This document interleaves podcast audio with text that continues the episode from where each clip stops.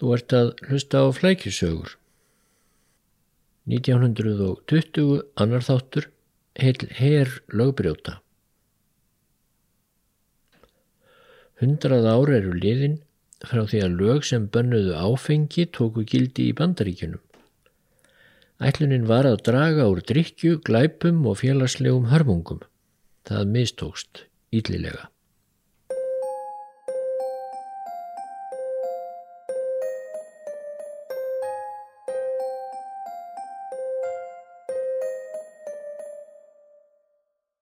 Þegar kommunistastjórn Lenins í Rúslandi sigraðist á hættulegasta andstæðingi sínum kvíliðafóringjanum Koltsjak í februar 1920 þá þurftu fjendur kommunista þar eistra að horfast í augu við að líklega er ekki við kommunistum hróplað á næstunni.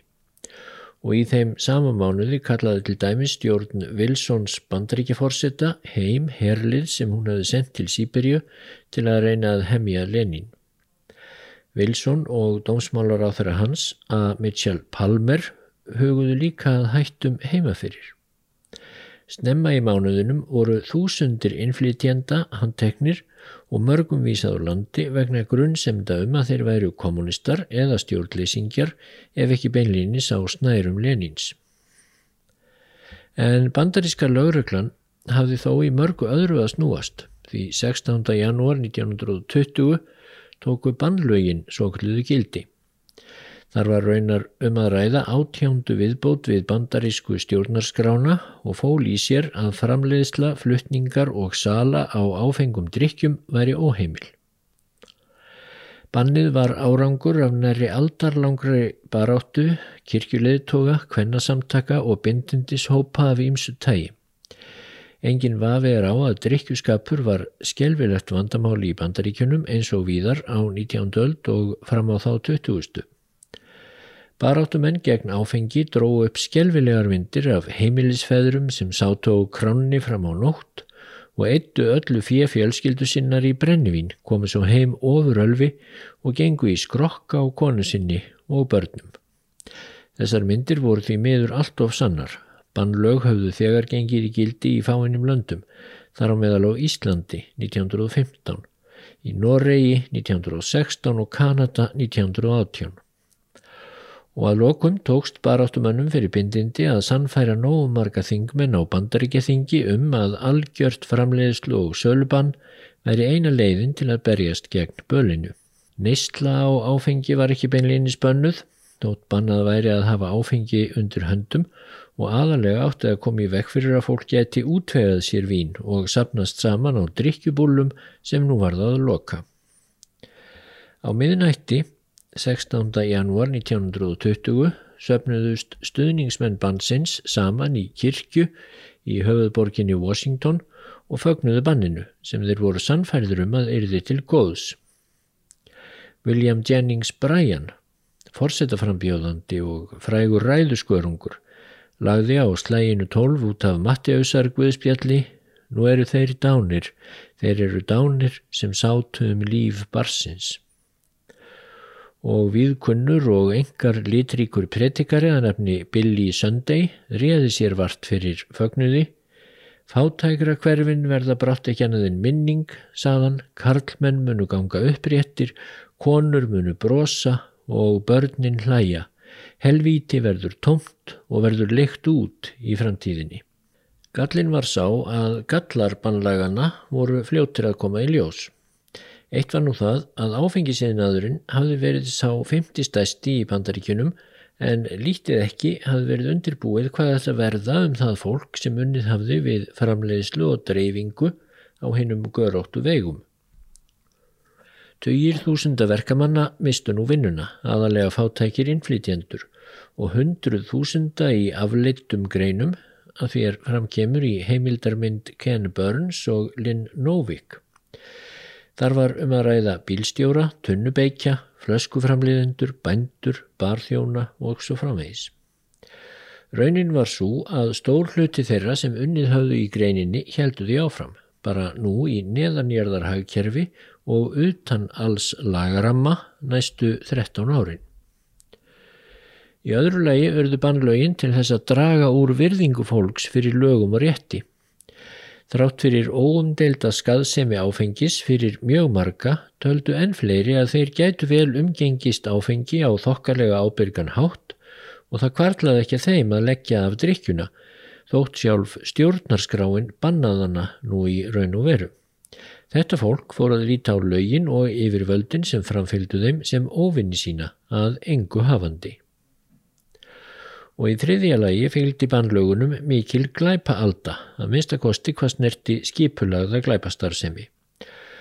Raunar voru ekki liðnar nema örfáar mínútur frá því lögin tóku gildi og þar til sex grímuklættir bóvar réðust með skambissur á lofti á tvo trukka fulla viskikvössum í Chicago og rændu kvössunum. Annar glæpaflökkur stál fá einum stundum síðar fjórum kössum af áfengi úr vöruhúsi yfirvaldana og sá þriðji létt sig hverfa með sendibíl hlaðin búrbón. Í minningu bæði bandaríkjamanna og annara snúast bannárin raunar fyrst og fremst um þetta síðasta glæpaflokka sem nýttu sér áfengisþorsta almennings. Umfangsmikið ólöglegt brugg hófst þegar í stað, ólöglegar krár spruttu upp kallaðar speakeasies og mikið glæpavafstur fylgdi því að koma áfenginu millir staða. Gróði glæpamannana var mikill og innbyrðis stríð bófaflokka um aðgangað gróðalendinni varð brátt mjög fyrirferðar mikill í fréttum. Chicago varð fljótt þungamiðja glæpastriðsins. Big Jim Colosimo hétt ítalskur innflytjandi í borginni sem hafi komið rækileg undir sig fótunum með rekstri vændishúsa. Hann og kona hans munu að lokum hafa rekið 200 slík hús. Að auki rak Colosimo fjárhættuspil, okkurlánastarðsemi og fleira. Undirfóringi Colosimos var annar ítalskur innflytjandi sem framan af æfi bjó í New York en flutti sig svo til Chicago og rak eitt stærsta vendishús Colossimos á samt honum. Hann hétt John Torrio, kallaður Refurinn. Hann kvatti Colossimo til að hella sér í bruggið en Colossimo neytaði. Strax í mæ 1920 var Colossimo myrtur og Torrio tók yfir glæpaveldi hans. Eitt af fyrstu verkum Torjós var að hækka í tign kornungan barþjón og útkastara í hóruhúsinu Four Deuces, Al Capone hétt sá. Glæpaflokkur Torjós nefndist ímist Southside Gang eftir hverfinu í Chicago þar sem hann hafði aðsettur eða The Chicago Outfit. Flestir bóvarflokksins voru af ítölskum uppruna. Í hverfinu Northside réð annar glæpaflokkur ríkjum og flestir fóringja hans voru af írskumættum eða þá gýðingar frá Östur-Európu. Dion O'Banion hétt fóringi þeirra lengst af.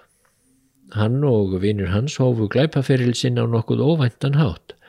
Þeir voru sem sé í þjónustu dagblada í Chicago, fyrst eh, Chicago Tribune og sáu um að berja eigandur blaðsöluturna sem ekki fengust til að selja viðkomandi blað.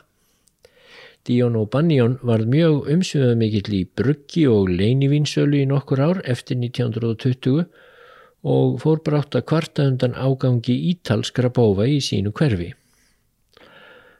Torrio reyndi þá að miðla málum en ítalarnir ákvaða að lokum að losa sig við Íran sem þá hafði svikið út úr Torrio halva miljón dollara.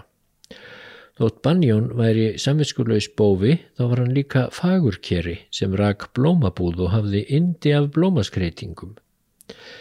Þann 20. november 1924 var O'Banjón að snirta krísantemur í búðsynni þegar þrýr útsendarar Southside Gang mættu á staðin og skutan til banna.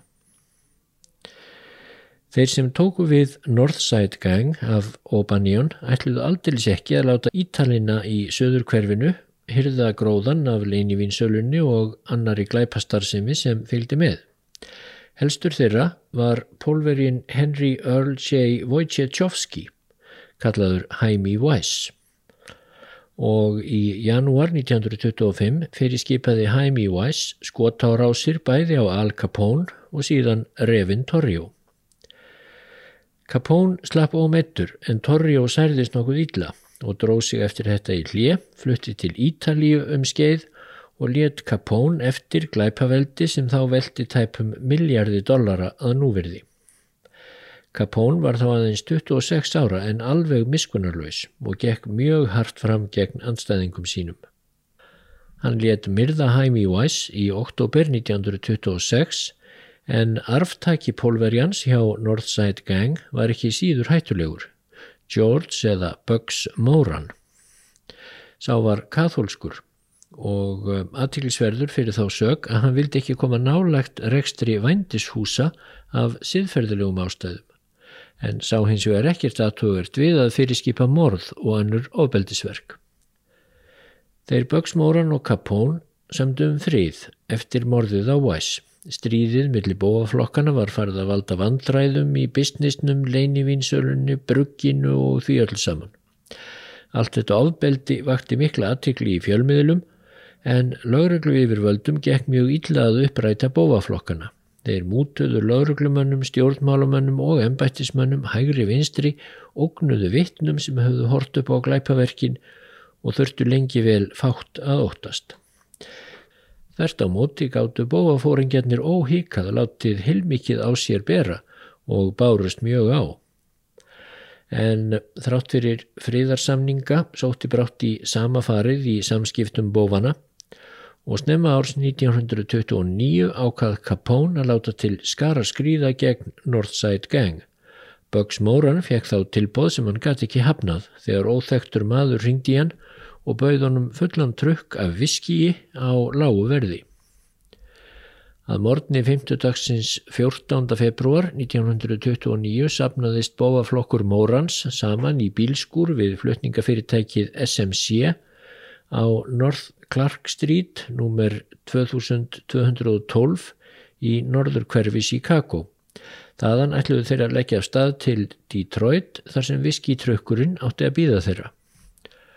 Móran sjálfur átti að vera á staðnum en var svolítið setn fyrir og þegar hann nálgæðist bílskúrin á samt félaga sínum sáu þeir lauruglubíl renna þar upp að og fjóra menn stíga út.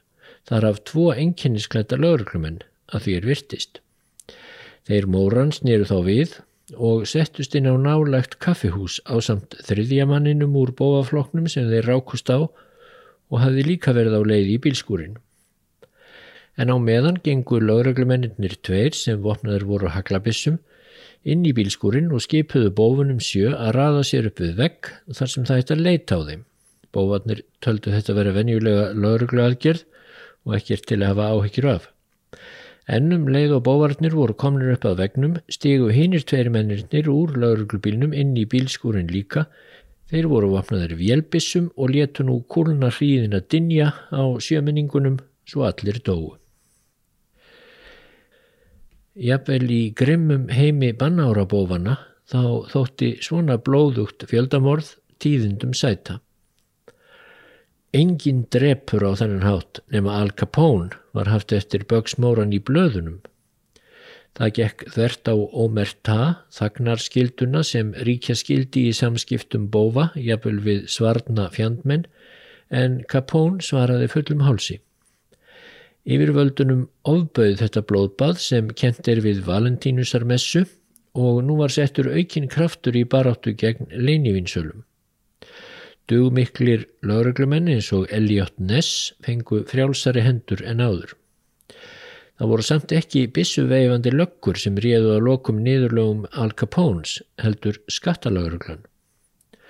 Árið 1931 var hann dregin fyrir dóm, sakhaður um skattsvík og dæmdur í 11 ára fangilsi. Þá var svo komið að vindar samfélagsins höfðu snúist og bæði máttarvöld og almenningur höfðu komist að þeirri niðurstöðu að bannlaugin væru mistök. Stöðu var glæpafréttir af styrjaldum bófa og ræningja höfðu sitt að segja.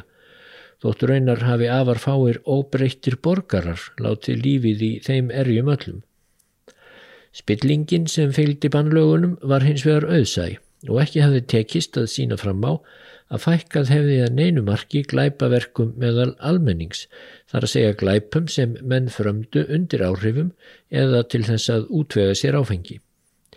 Helvíti hafði þrátt fyrir allt ekki verið auglýst til leigu. Mjög dæmigert fyrir hinn nýju viðhorf er hluti af opnu brefi sem auðkýfingurinn John D. Rockefeller skrifaði um málið en hann var endar stakur bindindismadur alla sína æfi. Þegar átjánda viðbótin var samþygt þá vonaði ég í innlægni að fólk almennt myndi styðjana og svo stund myndi brátt renna upp að frelsi fólks undan skadalegum áhrifum áfengis bæði á sál og líkama yrði almennt viðurkend. Þetta hefur ekki gerst. Þvert á móti hefur drikja aukist. Speakeasies eru komin í stað krána og raunar sennilega fjölga tvöfalt eða þrefalt frá því sem var. Heil her lögbrjóta er tekinn til starfa og skortir ekki fjármagn. Seint og træglega hef ég sannfærst um að snúa eitti við blaðinu. Fyrir forsetakostningar í bandaríkunum hausti 1932 lísti frambjöðandi demokrata Franklin D. Roosevelt þeirri stefnu sinni að bannlaugin skildu afnömin og eftir sigur hans var strax í februar 1933 lögð fyrir bandaríkjathing ný viðbót við stjórnarskrána sem feldi bannlaugin úr gildi. Átjánda viðbótin er þannig svo fyrsta og eina þar vestanhafs sem felt hefur verið úr gildi. Þá voru liðin 13 ár frá því að bannlaugin tóku gildi árið 1920. Það sem bandaríkinn þurfa núna er að fá sér í glas, er hefnt að Rósveld hafi sagt.